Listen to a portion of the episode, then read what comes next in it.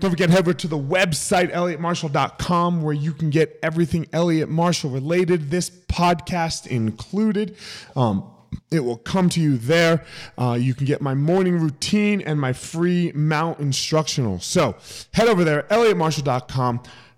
See you there. If you are enjoying this podcast, uh, the Monday Motivationals and the interviews, I would love a review, a like, uh, and a share with somebody that you think might find it helpful. So if you love the, love the podcast, like the podcast, go to wherever it is you are listening Apple, Spotify, wherever it is. Like, share, review. Much appreciated.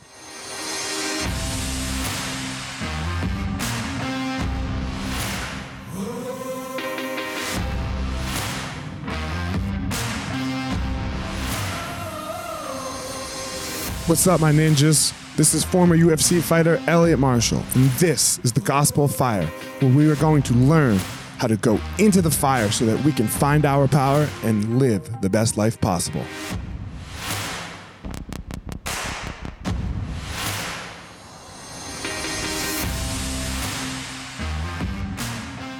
Yo, we had a good one this episode. This episode is with Diamond Dallas Page. I don't need to say any more about it. What an episode. What a character. Uh, what a guy that really. Uh, just lives the lives the the life of, of, becoming more skillful, being better, changing, making adjustments, looking at it again, and just making it happen for yourself. No more introduction needed. Here we go. DDP, Diamond Dallas Page. DDP, how are you? Dude, awesome. God, my, God has blessed me on so many different levels. Uh, at 66 years young, I'm seriously living my best life, which is kind of crazy with everything that's happened in my life. man, so that's that's hard to say. Come on, man. Like like look at all that memorabilia behind you. Right? like all of the yeah. things that you've done in your past, right? I mean, like look at this. You're, you know, it's uh, but you're you're saying you're living your best life now. Yeah. Um, it took me. I, I, was. I've been very lucky with women. I've found a lot of good women uh, throughout my life, and I love women. uh, but I'm with my uh, the person that I'm. You know, I found my one. Okay. I, I I'm a, I'm a big big uh, believer in you know inspirational you know listening surrounding yourself with things that inspire you sur- surrounding yourself with things that inspire you i love steve harvey and it's crazy my relationship with steve harvey i've never met him but one day i, I was saw him on uh, a, a guy named billy bush out of la had his own show and he was like, God, Steve, you look great. You look like you've dropped like 40 pounds. He goes, 42 pounds. He goes, Yeah, I feel great. He goes, How did you do it? So I came across this wrestlers program. Uh, his name's Diamond Dallas Page. And the way he was talking about me, like he didn't know me as a fan. He knew me by this guy who had these amazing transformations. And and I started doing it, and it was uh, look at me, you know. I mean, I feel great, and I feel younger. I feel better. Uh, and I was like, oh my god, Steve Harvey does my program, and then he just started popping up in different places where I'd see him, and I saw him watching doing this, doing that, and then I saw him doing his inspirational stuff online. Yeah, his, I mean, he he's a real, he's the real deal, man.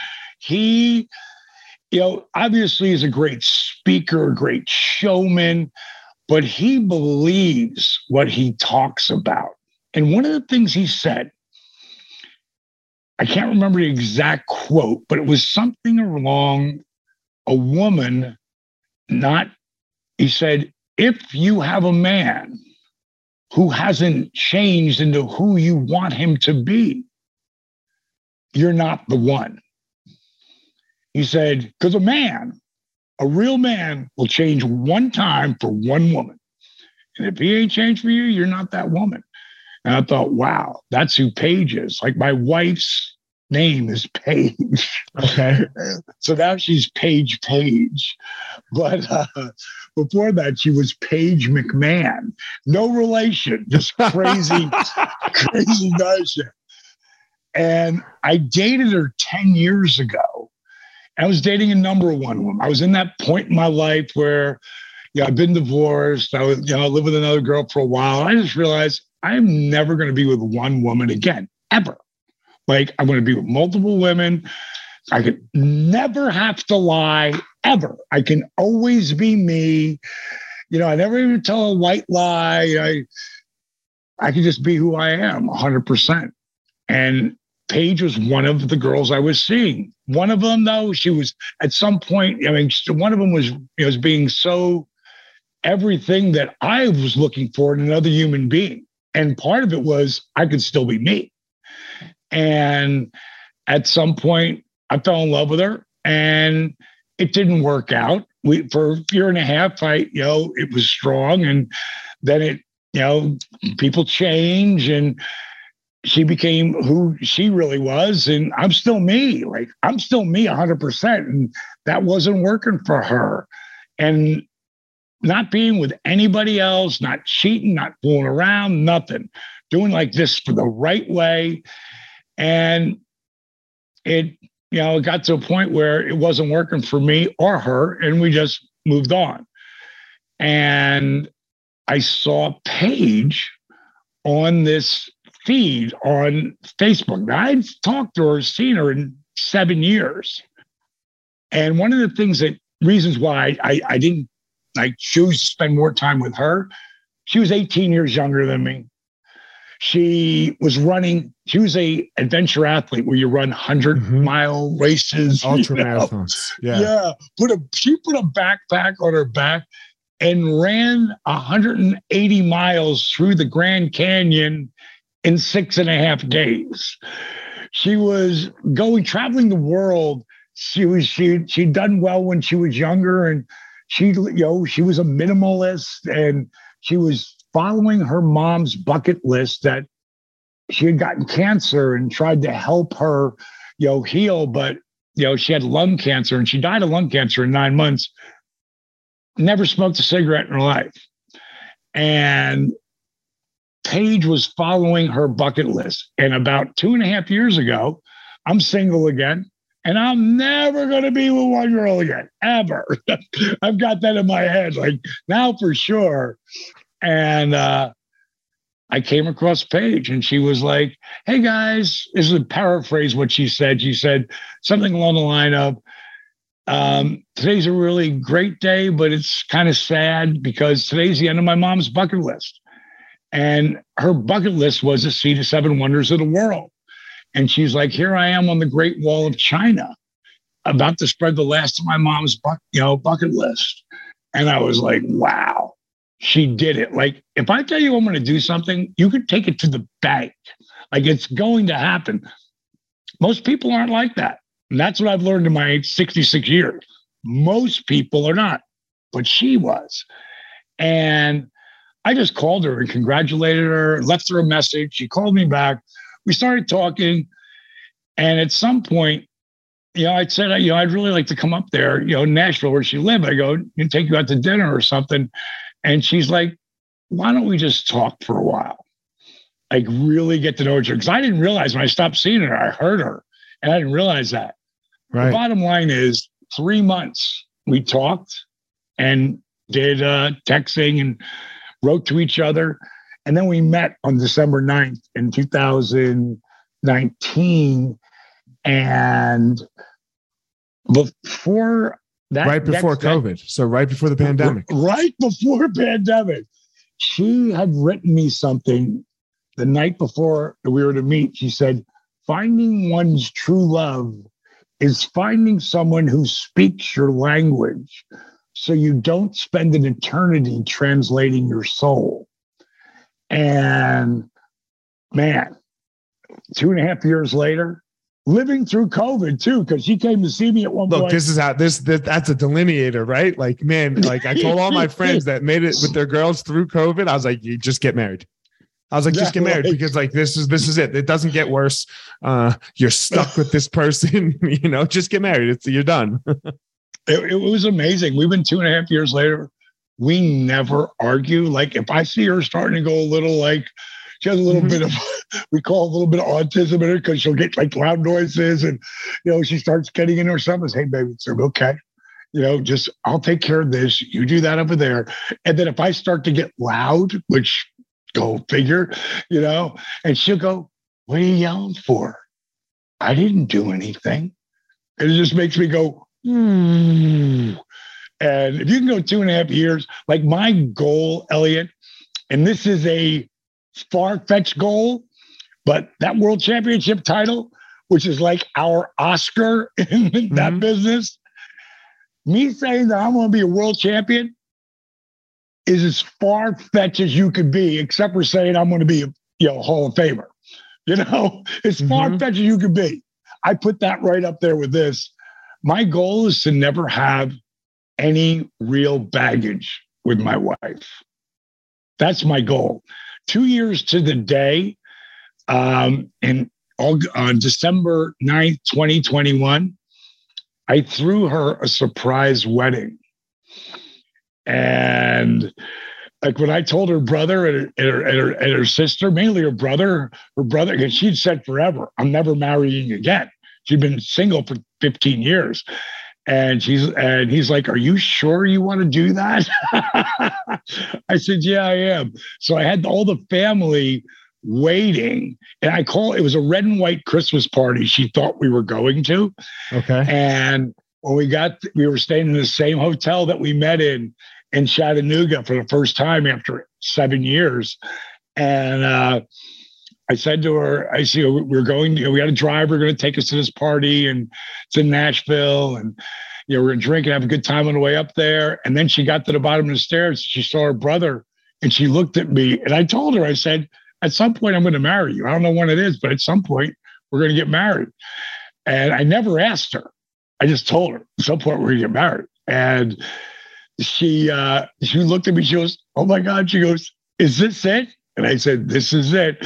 And we walked in the room and you know, the family's there from both sides, and she's crying. And I got down on one knee, asked her to marry me. I asked her dad right after, is it okay? Charles? And he goes, Well, I really would have liked it if you asked me before. I said, I'm dyslexic, bro. And uh, she she was like walking on cloud nine. And then we walked back into where the area was, where it's a bigger area of this little boutique hotel. And there's a hundred more people waiting there. oh, nice. Her friends, my friends. It was, it, she would call, this is a girl who's seen the seven wonders of the world. This is a girl who's friggin' seen everything. And uh, so it was the happiest day of her life. And that's how I try to live our life. And uh, uh, I really, honest to God, believe because we said, like, after six months, this will cut, surely calm down. right. After a year, after a year for sure. After two years, for sure. Like, nah, nothing. Like we, we just have something. So when I say like my my best life is being with my person, you know, the five things I'm the proudest of right now in my life, which I've gone through. I've lived five lives, you know, but it's my my life, my wife, and my kids. It's that world championship belt. It's the Hall of Fame ring. It's the resurrection of Jake the Snake, a documentary that we did that was so powerful. And I've got a community on Facebook that a buddy of mine started just for people who were doing the DDP yoga program. And, and I want to get into this was- a little bit if, if we could, like that this Sure. resurrection or or this resurrection of you almost, right? Because that wasn't your uh what I'm going to assume when you were winning that championship belt and and earning your way into the Hall of Fame. There it was a much different DDP than what we're talking about now. Right? Than than who I'm Um, talking to now. I think mellower because that happens with age. Right? Um, I'm not. I don't have to. I'm not fighting, for anything because the real fighting didn't go on in the ring. We were actors. We're out there trying to entertain the crowd. The real fighting was in the back. You know, like what was that fighting? like? For, fighting for position. Well, I'll put it like this to you: being a fighter and really understanding if you could say, let's say a running back. If you're a running back and you never get that chance, but you get the chance one time to get that ball. And if you run for 42 yards, they're going to look a little different at you and you get to run for another 22 yards. You get to run for that, you know, that three yard touchdown. All of a sudden, boom. They Let look me ask you- completely different. Let me ask you a question though, because it is scripted out there, right? Right. Like, right. So how, like, in this scripted thing, like, so the running back, it's not scripted, man. Like, they, they give you the ball, the other guy's going to try to rip your head off. So in, in this wrestling world, when it is scripted, how do you become? How, how do you make that opportunity? Like, how do you become DDP? How do you become The Rock? How do you become Triple H? Because it's it's all scripted. So, what, how do you do that? It's so hard. And my point was the vet and the fighter. You could be seen as the bottom guy on the card. Mhm. You knock that guy out in the first three seconds or the first two minutes. Whoa. Right. You know, wrestling, when you start, like, then I even got to where I was to get into WCW, Ted Turner's World Championship Wrestling, is preposterous the way I did it. And what happened was, I tried wrestling when I was 23. It didn't work out for me. I had three matches. I sucked. I hurt my knee. I was taking some time down because you're injured, right? And I got a chance to run my first little rock and roll joint. I was 23 been in the bar business for seven years. Eventually, I would go on to run bigger and bigger clubs. Eventually, I am so surrounded around wrestlers. Jake the Snake Roberts walked into my club one night. And this is before you're back with Ted Turner. This is before you're in WCW. Yes, before Okay. I ever get any opportunity at all. Like I'm 31 years old. Okay. Actually, when I first met Jake, I was 30. And he came in my club. If, if you wrestle in Tampa one day and in Miami the next, that's 300 miles. In Mhm. between is Fort Myers, Florida. So guys would lay over there. And what happened is Jake came in my club one night and we got shit faced. You know, friggin' I came up to him. I was like, oh my God, Jake Snake Roberts in the club. You know, like So this is random. This is just random. he walks in. random, Okay. completely random. And you know, you know, I basically say, man, you Jake the Snake Roberts, who wants to know? I said, the guy who runs this place. Yes.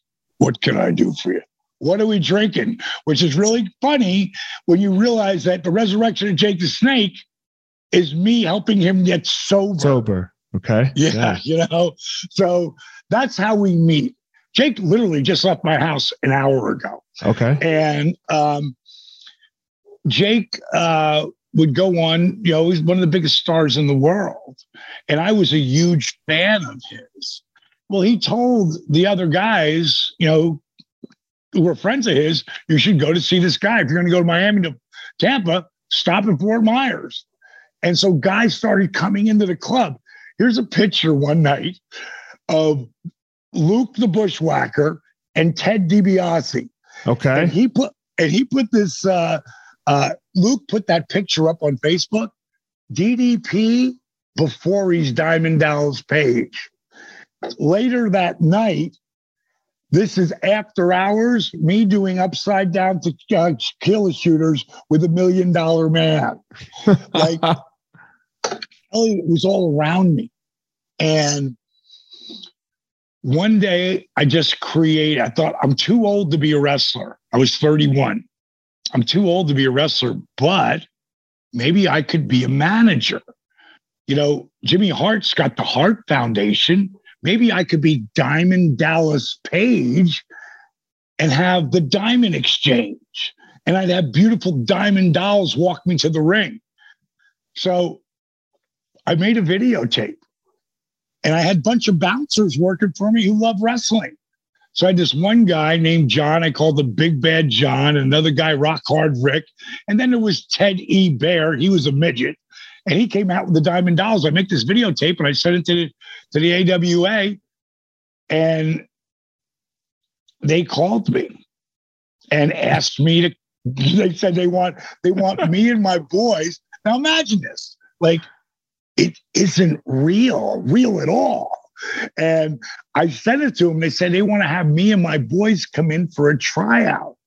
But we've got one question. Where are you guys working at? Uh, well, Rob, uh, truth is, none of those guys can wrestle. What? Why would you even send us a tape? I'm like, because it's like a secret society.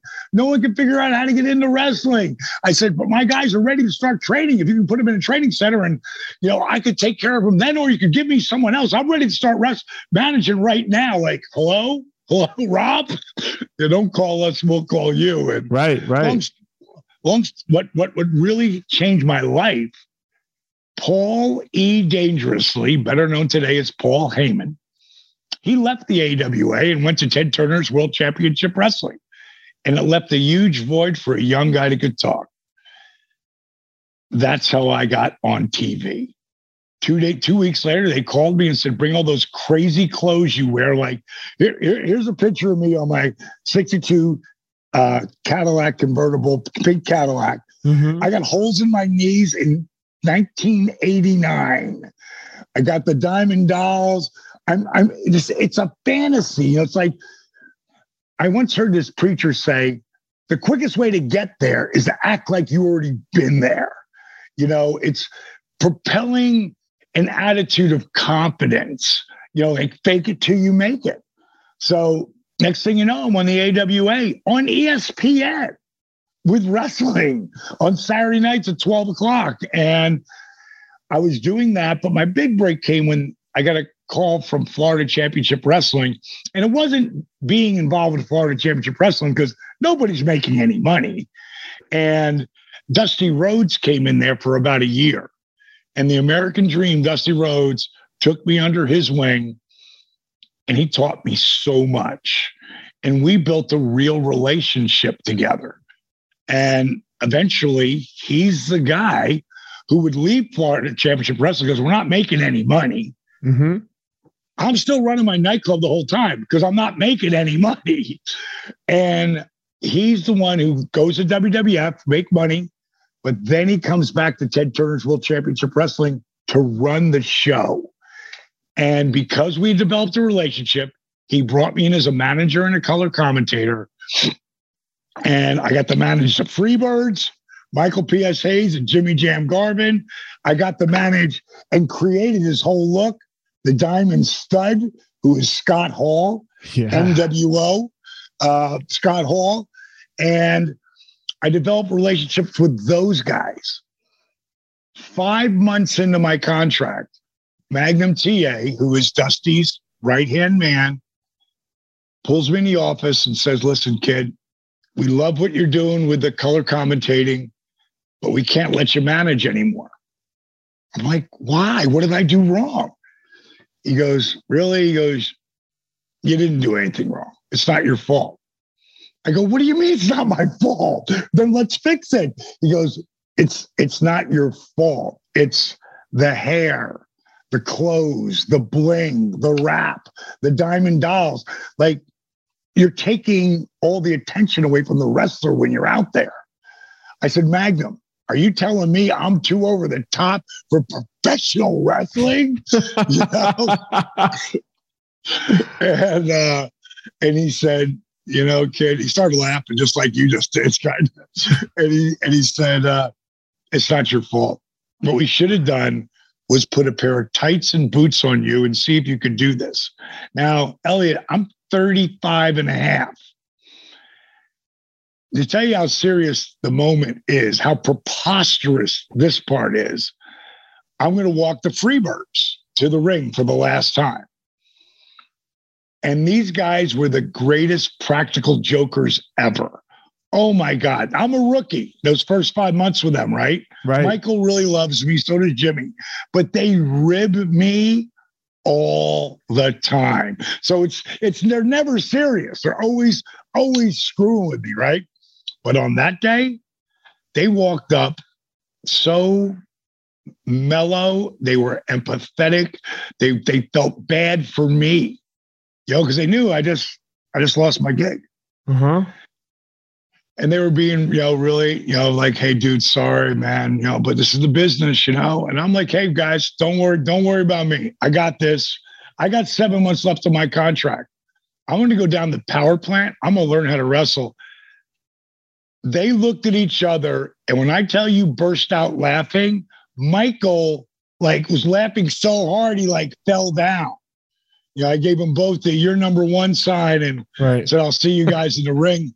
The next day I started at the power plant. And the power plant was a huge warehouse that was had three rings in it, a gym, and it was freezing. I mean, I can't tell you, Elliot, how many times that first that first week, man, they beat the hell out of me because they wanted to run me off. Because that's what they do. In everywhere you train for wrestling, they take your money. In this place, they couldn't take my money because this was WCW and they were paying me. But any kind of independent wrestling, they take your money and now they're going to beat They're gonna the try to make you quit. fuck out of you. Exactly. Yeah. Exactly. So Look, I agree. With, I agree the same way with fighting. Like, okay, now it's my job in the beginning to see if you'll quit. Because if you'll quit, Exact- if you if you'll quit based on a little bit of hardship, goodbye. This isn't going to be for you. a hundred percent, because it's about to get way harder. Mm-hmm.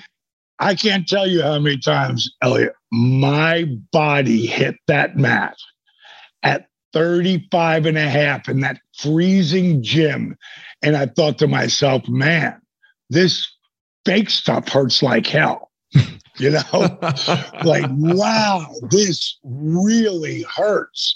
I can't tell you how many times those first couple of months, man, so beat up and having to do it all again and all again and all again. Yeah, I can't tell you how many times I said to myself, do I really want to do this? Did you? I'm going to come to that question in a second. When you got canceled, right? Like when when they said you can't do, you know, you, you can't be this manager anymore because you, you're too Right. big for, you know, you're too much for WW WCW. Um, how did you go from the disappointment to the to the shift, right? To like, okay, I have Well, to make went- something happen. I went to the disappointment like immediately. I call that emotional gravity. Mhm. You know, like nobody can pull you down more than you. Right. You know, no one can send you into a tailspin. No one can make you worry, you know, stress you out more than you. Nobody. But it works the other way around too. Like, you know, at first I went down and I started, it started, you know, my world, everything's ending. And then I know because of pretty much everything I've ever set myself out to do, I've done. Now, it may not be exactly there. It might be a little lower or a little to the left or a little to the right. But there's Mhm. other times, and that belt's a perfect example. I blew right past it. You know, it's it's changing the story you tell yourself. It's owning that inner voice. This book I wrote, positively, good catch, positively unstoppable, the art of owning it. It is that six inch piece of real estate in between your ears. It is the inner voice. It is the story you tell yourself. Did you develop this or did you always have that? You know? it took time. It took time and examples because, and I can give you major, major fucking examples. I'll only give you one right now. Major examples when something looked like it was the worst thing that ever happened to me, it was the best. And the worst one was when I finally get to the top of the world, I finally am, I'm, according to Pro Wrestling Illustrated, in 95, I was like 284 number wrestler in the world. In 96, I was like 106 or something like that. 97 and 98, I was number four. So easily top 10 in the world. Mm-hmm. I just signed a multi million dollar three year deal. And I basically break my back. I rupture my L4 and L5 so severely that three spine specialists tell me I'm never wrestling again. And I'll give you this, this short version because I'm sure you want to come back to this. But I'm told it's over. If I don't get back in that ring in six months, that big $58,000 of every two week check I was getting, hitting the lottery every fucking week is gone. That's how DDP yoga comes into my life. And we'll talk about it at a later later in the show. But my point, it comes into my life. And you want to talk about emotional gravity. I was as low as I could go. But and you again, just hit jackpot and then they took it away. And then something took it away. Right. Yeah. Like you're done. Every single athlete, and you understand this being an athlete, but you're an older athlete. Every single young athlete doesn't understand this. You are one injury, just one injury from your career being over. One injury and it's and, over. And look, and the likelihood for most athletes, even the professional ones, even that make it to the WWE or the UFC or the NFL, the, right. the likelihood is most likely you're not going to be the champion. Right. The, the odds, gonna... especially in one-on-one sports, right? Like 100%. in team sports, you have you have a much higher rate because there's 54 people on the team on the on the team. You might not even play, and you still get that championship ring, right? But in in one-on-one sports, uh, it, it's it's like zero. It's like zero percent of the people become champion. You're so going to have to quit you, one day, and it's going to be gonna, over.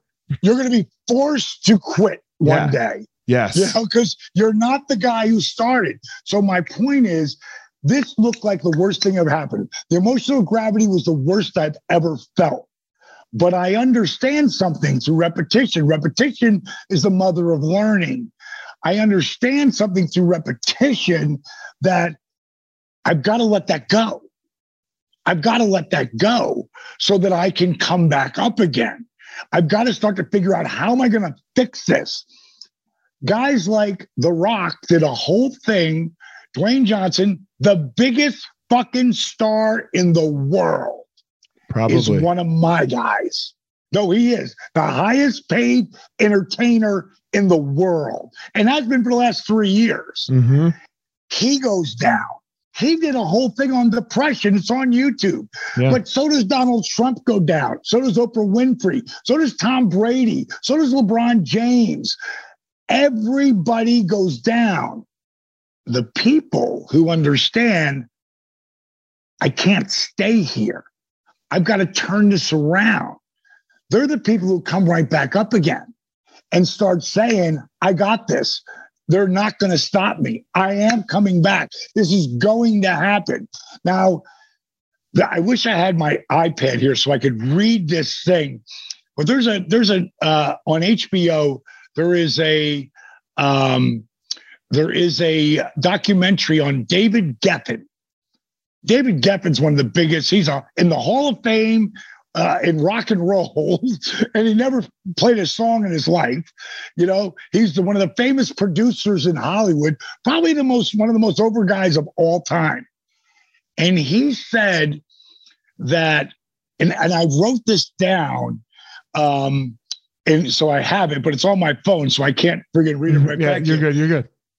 He basically said that we all get to create we all get to create our own imagination. We are all a figment of our own imagination.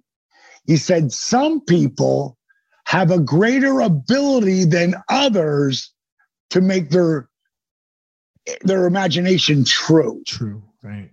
You know, and that's not the exact quote, but it's something like that.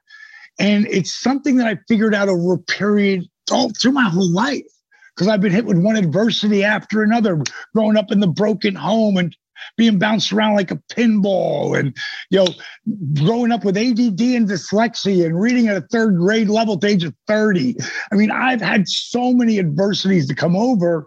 Wrestling becoming a wrestler at 35 is preposterous you know, and we're not talking about, you know, just getting his break at 35. We're talking about starting the train from element one, where now you're in the ring with other guys you really don't know what they're doing either. The odds of them hurting you are incredible. So the bottom line is to understand all of that before I can really say to you, now you're going to be the manager who's going to be a wrestler. they're just going to beat the hell out of you. How do you get respect? Because even when you come out there and you start, you you win an we call it an enhancement match. When you know the other, you don't even know the other guy's name. You know, if you're a bottom guy and you get a win there, hey, that's a win, you know. But you're never going to beat anybody who means anything. At some point, nine months in, by this time, Jake is working in WCW. He was only there for a brief moment in time, like three months. But over those three months, I was wrestling and they were using me and Kevin Nash as the Vegas connection. We lose every single night, but we're driving Jake the Snake Roberts around, sitting at the foot of Yoda. Because when it comes to wrestling, wrestling psychology, Jake was Yoda. And Jake came in the power plant one day and he, and he saw me in the ring and I hear Page, because my first name was Page, Page Joseph Falkinburg. But I knew that Page Joseph Falkinburg was never going to draw any money in the world of professional wrestling. Hence Diamond Dallas Page. But he but he knew me as Page J. He's like, Page. So you and your wife actually have the same first name. Yes. and, and, and all, my family, of course, calls page one and page two, but my family even knows when we're out, you call me Dallas because that's who I am. For 25 years, it's my real name. Right. And the bottom line is, I don't want to confuse people because, you know, people like the familiar, they they they want to feel like they are closer to you. So they want to call you Page. Like, oh, I'm not going to call him his gimmick name. It's like it's my real name. Do you going to call um let's see, uh John Wayne Marion. I dare someone to call the Duke Marion. Sure. You know, when he's John Wayne. You know what I mean? So that that's that's my point that whole thing.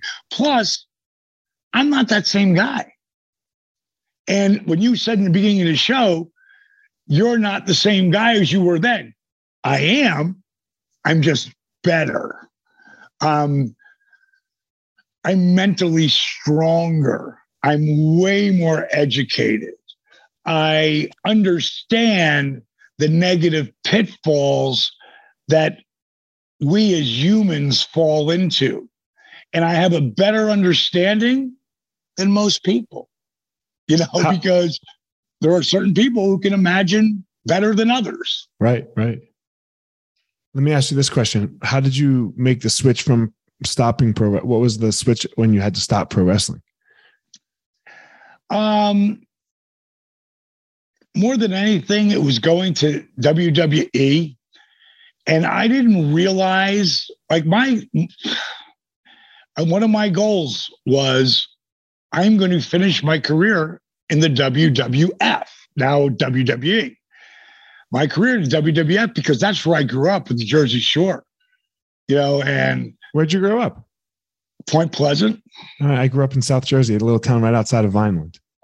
No, child. Yeah, sure, yeah. man. Friggin', yeah. you know, friggin' Jersey boys. Uh, yeah. And for me, it was the shore.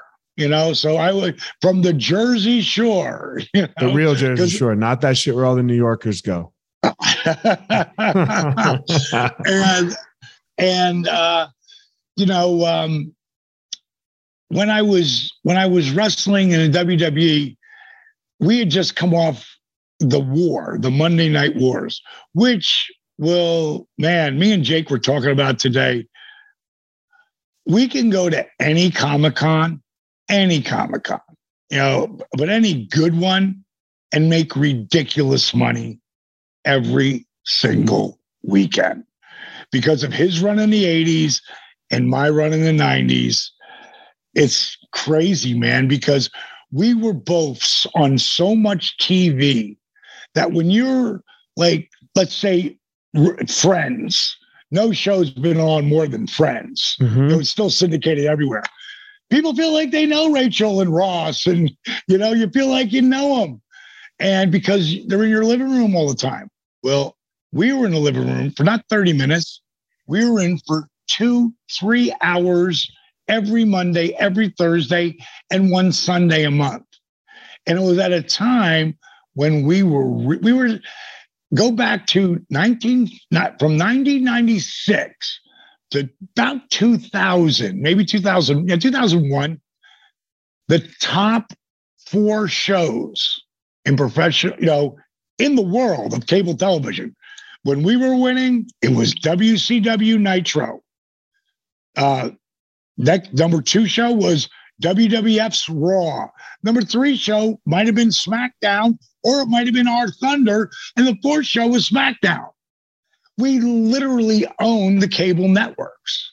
I mean, think about it, crazy, mm-hmm. you know. And so we're in the we're in we're in the their, their homes all the time, and the the feud on Monday nights was so strong that when Vince finally won the war,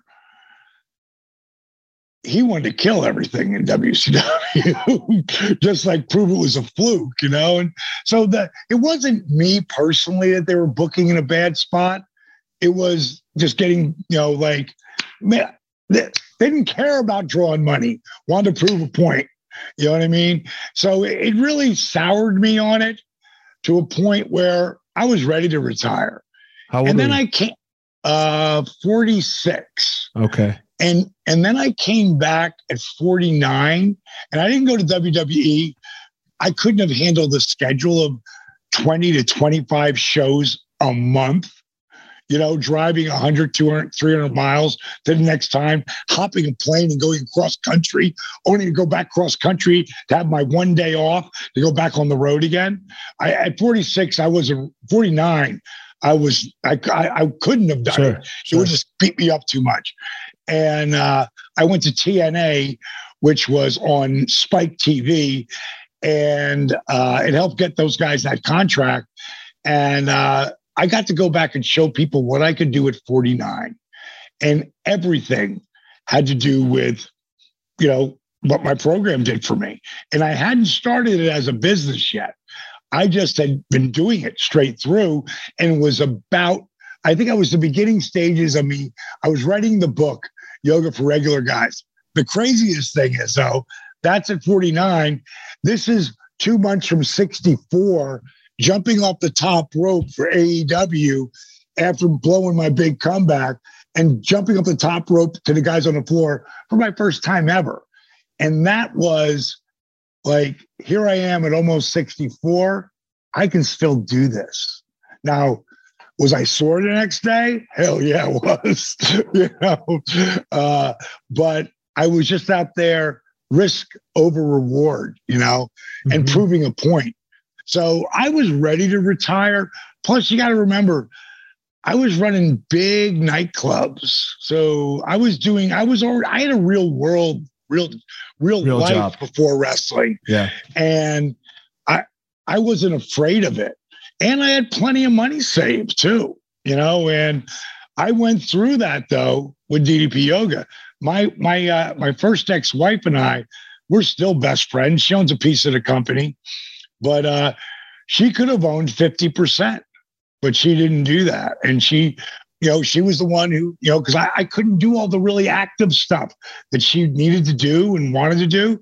And she was 13 years younger than me. That's why I didn't go with Paige, though because my first wife and I, you know, we loved each other, but we just we had other interests. So she wanted to do her, I wanted to do mine, and you know, we split apart. But it was her move to leave. So I told her, I said, if you take, you know, what I'll give you, I'll always be there for you. Because I knew I had this dream about this, this, you know, yoga for normal people. That's how it's explain that a little bit. Yoga for normal people. So at 42, like I said, the worst thing ever happened is I blow my back out, right? They say my career's over. At 42, I'm the guy who wouldn't be caught dead doing yoga. Like I'm just that guy. Mm-hmm. So I understand every single person who goes, oh, yoga. That's why I brand it DDPY today. It'll always be DDP yoga. But I don't want people, hey man, I love your yoga. Don't call my shit yoga. It's not yoga.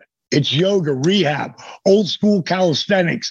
It's uh, it's dynamic resistance, flexing and engaging as you're moving in warrior position or wherever I am, whatever I'm doing, I've got my heart rate jacked up, standing still. My program is about stretching and strengthening the muscles, ligaments, and tendons, the shit that helps you from getting injured, preventative maintenance. So I, I blow my back out. They say my career's over. I go to see three different spine specialists. They all say the same thing. And Kimberly at the time's like, you really need to try yoga. And I'm like, fuck that. I'm not doing yoga. You know, I mean, I just had that in my brain. Like, it's not going to really help me. And then she finally bullied me enough to get, because I try everything, you know, and, but you won't try yoga. So I did it and I couldn't get in any of the positions. You know, there was no modifications. It was frustrating, but I figured shit out. That's what I do. I figure shit out. You tell me what to do. What do we need done? I'm going to figure out how to do it. You know, if like I never did this before in my life, but now mm-hmm. I'm doing it. I never ran a nightclub before. Before I was a bouncer and a bartender, but then I did it. You figure shit out. And that's the kind of people I really love working with me. People figure shit out. And so I figure out how to start modifying these positions. And then one night, I'm starting to feel like this is good. This is really helping me but I'm also doing rehab. And up to this point, I've rehabbed both shoulder surgeries and both knee surgeries. So I know a lot about rehab. So one night I fixed the yoga positions with the rehabilitation techniques. They totally complement each other. Then I threw in the old school calisthenics, push up, squats, crunches. And Elliot, I had to do them. Being an athlete, you understand this, with a slow burn movement. Like a push up is this now do it like this lower three, two, one, hold three inches off the ground. Three, two, one. Now come up. Three, two, one. Then come down three, hold three, then go to cobra, then the down dog. In the beginning, I had just started on my knees. Eventually, I got off my knees. Eventually, those three second push ups became five second push ups. Five second push ups become 10 second push ups. 10 second turn into multiples when you get off this podcast and you go and you go to the, wherever you're working out, I challenge you to lower 10, 9, 8, all the way to 10, hold for 10, come up 10. So 30 seconds, nine. one push up. Right. At my peak, at 64, before I hurt this shoulder and this elbow, but now I'm coming back again off of it, getting stronger and stronger again. I got 12 of them. Excuse me, 11 and three quarters on the 12th. Don't cheat that. Th- don't cheat that quarter, DDP. Don't you that cheat that quarter. when I was coming up, when I got the seven, I had to lower one knee. The rest What my point is when you're engaging and flexing muscles like that, every time you flex or engage a muscle, your heart has to beat faster to get the blood to the muscle. That's science. Mm-hmm. Sitting down or laying down, your heart rate's the lowest ever. Sit up, your heart rate goes up. Stand, your heart rate goes up. Walk, jog, run, sprint, up, up, up. It's the same mm-hmm. principle, but you're standing still. So now, Elliot, I've created something by accident, completely by accident, that's a kick ass cardiovascular workout. Like if you're doing my DDPY app, which you can go to ddpyoga.com or ddpy.com and try it for seven days for nothing. If you want to keep it, keep it. If not, blow it off. I don't give a shit either way. You know, because I only care about the people who stay on and put the work in. The bottom line is you get to try it for nothing because of the app. And not like you have to send back DVDs, you know? So the bottom line is on the app, if you're wearing a Bluetooth heart monitor, right on the app will come up your heart rate. So if it's a 65 or 75 or 82 or whatever the hell it is, there it is. Now you start flexing and engaging as you're moving, and you see it go 89, 92, 94, 97, 100, 122, 145. Holy shit. Like I can see where it's, mm-hmm, you know, mm-hmm. where I am. Numbers are numbers, and never lie. That. Yeah. Yeah. You can't, you can't, you can't fake that. At the end of the workout, it tells you how long you weren't in the zone, in your zone, and over your zone. Zone being the fat burning zone. Got it. Bottom line is, I create this workout that's kick ass cardiovascular workout, dramatically increase your flexibility, strengthen your core at a whole different level with minimal joint impact. Now, we've been sitting here for about 30, 40 minutes. At any point in time, I can take either foot and grab it and take it and put it in your face or pull it over my head at six foot four, 233 pounds of twisted steel and sex appeal. DDP, I always ask I always ask my podcast guests these last two questions as we as we wrap it up. Um, one, I believe everyone has a superpower, uh, something that makes them, you know, be amazing in the world. They give to the world, they get back from the world. What do you think your superpower is? Compassion. Okay. That was an easy one. Two, look, man, you're DDP, and I'm some dude you never heard of before. Uh, why in the world would you take an hour out of your day to come do my podcast? It's not going to do a fucking thing for you, right? Like, you know, and you know, like, uh, you know, it's not gonna. You're not. I mean, maybe you'll get a yoga member, but I mean, how much is the yoga membership? What'd you call it? The the DDP yoga subscription. There you go. Sorry. How much is it? Well, it, de- it depends if you went for a month or three months or a year. It's just what's what is it for one month or a year? Go ahead. Yeah, like know, I think with the discounts, like ninety bucks. Okay, so ten dollars a month. Let's just ballpark numbers. Yeah, So you're gonna make Sure. ten dollars a month. Maybe you'll sell ten of them. So you'll have, you know, okay, good for you. Nine hundred more dollars won't touch your bank account. Even like won't even move your life a, a, pigeonhole. Why the fuck did you do this podcast? Well, for starters, Marlon, who is my booking guy, um, he, he really liked you. Okay. He said you were a solid guy of substance. I I will help and come on different people's podcasts that I think are selling the right message. I watched your talk, Oh that, my, yeah, uh, your TED, your TED, TED your Talk. TEDx, yeah.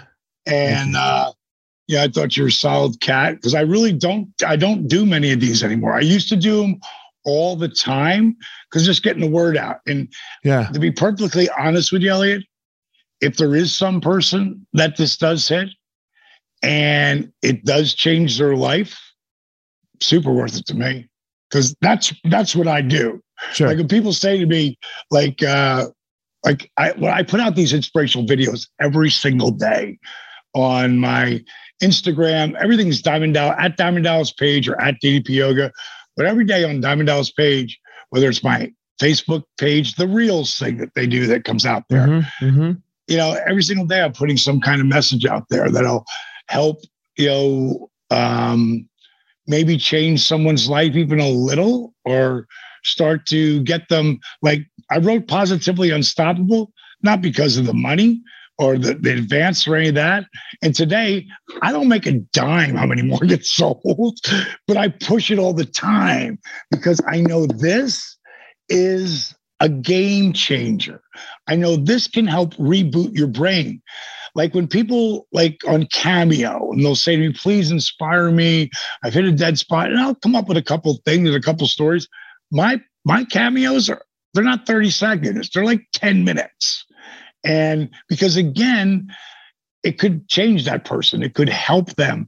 But the number one thing that if they're not doing my program, I'll like give it to them for like 30 days because they got the cameo.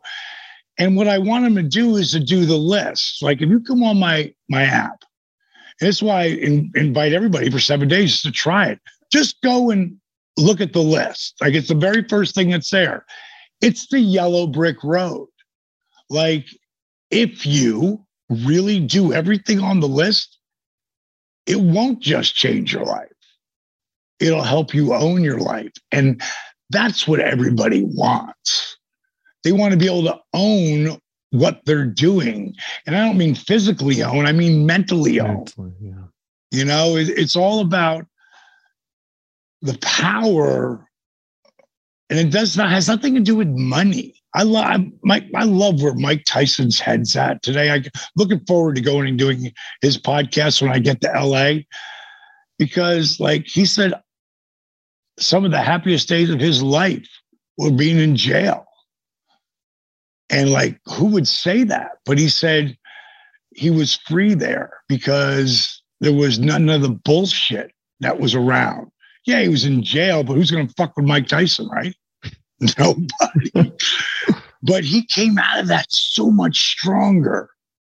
Like he gets it. I actually went and saw his one man show. Uh-huh.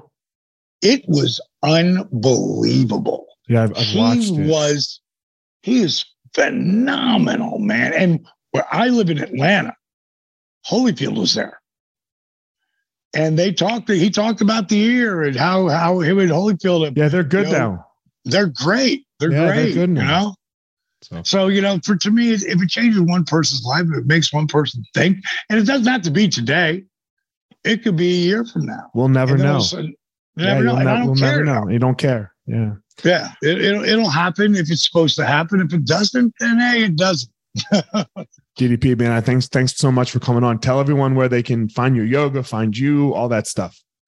the main thing is that the, we, we were talking about it, those five things that I'm most proud of. The one is like, don't, you know, don't listen to a word I say about my program. Just go to that Facebook page. It's a members Facebook page. DDP Yoga, one word, and you'll know it's the right page because there's over 70,000 people helping each other. Yeah. it's i mean it's right up there with my i'm as proud of as that as i am of my hall of fame ring you know it's Yep. it's that powerful Guys, as always with every podcast, don't go out in the world and try to be DDP. Don't go out in the world and try to be Elliot.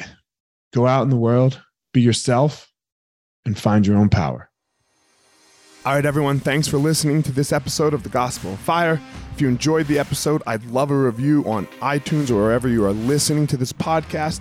Don't forget to follow me on social media at FireMarshal205. If you are a BJJ enthusiast, check out my YouTube channel. I put all kinds of instructional DVD uh, videos out on there, so go check it out. My book is still out on Amazon by the same name as the podcast, The, Gospel of Fire. So if you are interested, go check out that. And most importantly, guys, go out there every day, find your power. Thanks a lot. Guys, look, I get it. I totally get it. You opened a martial arts school, and man, it's kind of crushing you. There's all this other stuff to do other than teach, right? You love teaching. You love jujitsu. You love Muay Thai. You love karate. Whatever it is you're you're teaching. And man, but there's all this other stuff. There's there's the front desk. There's there's taxes. There's curriculum. There's cleaning. There's there's problems, staffing, covering. Whew, man, it's so much. It's so much. Well, let me tell you, uh, we have started what's called Easton Online, and Easton Online is here to solve all of these problems for you. Easton Online is a digital academy for martial arts school owners and managers. Will help you establish or enhance your business with best practices. Most importantly, we're going to help you get back to what it is that you love most teaching and doing martial arts. Okay, so for more information, guys, go to easton.online. Again, that's easton.online. Add your email. You're going to get notified about the course launches. Our first course is going to be all about the first impression specialists, your front desk, and all kinds of stuff, special offers, promotions, as well as we started a podcast by the same name, Easton Online, that's gonna talk about our process of how how we went from a tiny little martial arts school to what is now seven martial arts schools, seven Brazilian Jiu Jitsu Muay Thai schools, um, in a very holistic way that we believe um, kept the integrity of the art and also deals with its people very well. So again, easton.online, enter your email and you're to get all you're to get everything you need right there. So, thanks guys.